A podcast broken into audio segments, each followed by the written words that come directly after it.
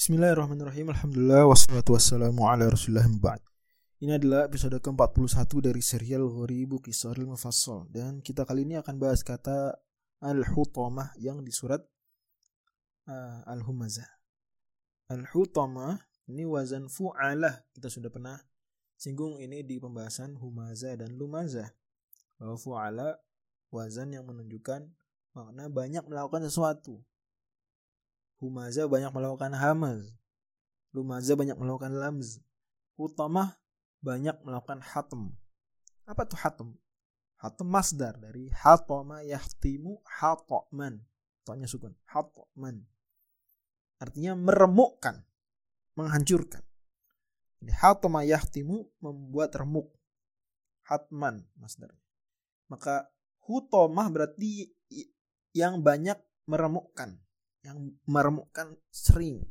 Banyak menghancurkan.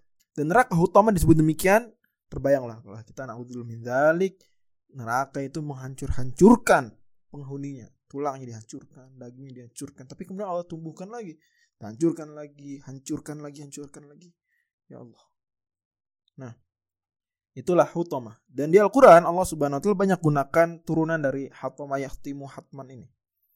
Misal kata kerja fi'il mudhari'nya Allah subhanahu wa ta'ala firmankan di surat An-Naml 18 ya udkhulu masakinakum la yahtimannakum Sulaiman wa junuduhu. Jangan sampai Sulaiman dan taranya meremukkan kalian.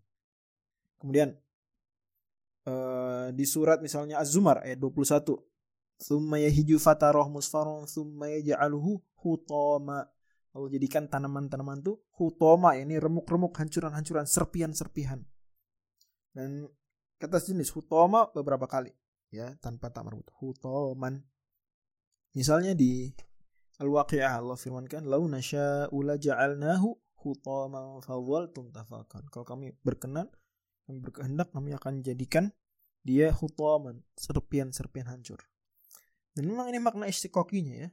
Dari hatama yaitu kata Al-Imam Ibn Faris adalah uh, mematahkan, menghancurkan sesuatu. Itu makna istiqoqinya. Uh, Allah bisawab.